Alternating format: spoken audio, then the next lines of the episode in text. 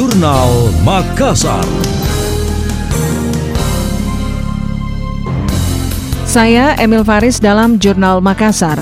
Dinas Perdagangan Sulawesi Selatan menyikapi lonjakan harga minyak goreng. Sejauh ini terpantau belum menunjukkan penurunan sejak akhir tahun lalu yang sebelumnya dijual di kisaran 18.000 sampai 20.000 rupiah per liter. Kepala Disdak Sulsel Ashari Faksiri Raja Milo mengakui tingginya harga jual minyak goreng sudah terjadi sejak beberapa bulan lalu. Harganya jauh di atas HET yang hanya Rp11.000 per liter, seperti yang diatur dalam Peraturan Menteri Perdagangan Nomor 7 Tahun 2020.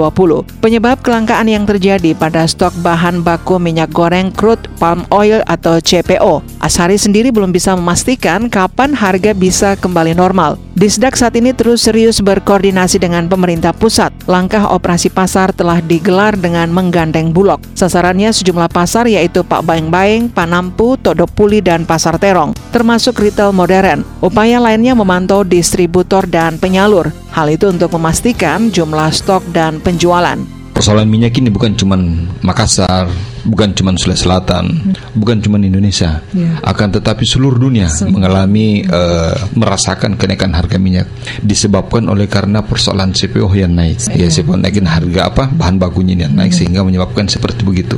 Kami dari pemerintah daerah uh, beberapa bulan yang lalu, tepatnya di Desember itu kami diundang oleh Bapak Menteri Perdagangan untuk uh, menyelenggarakan rapat koordinasi.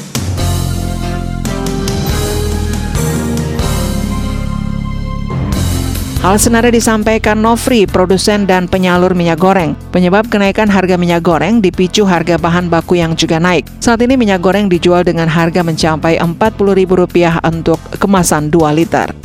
Anda masih mendengarkan Jurnal Makassar dari Radio Smart FM.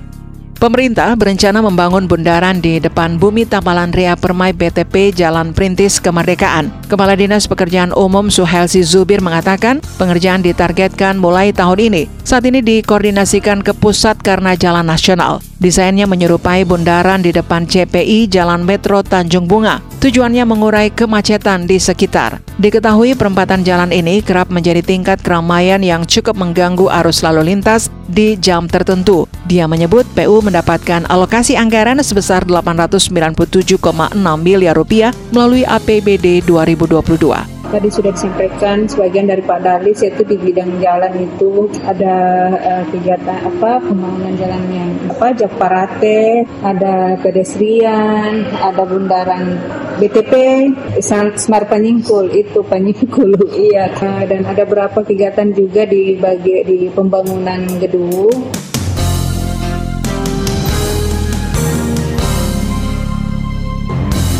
Suhelsi menyebut proyek prioritas pemerintah tahun ini di antaranya Japarate, Bundaran BTP, dan Smart Panyingkul. Selain itu pedestrian di sepanjang Jalan Landak dan Sungai Sadang.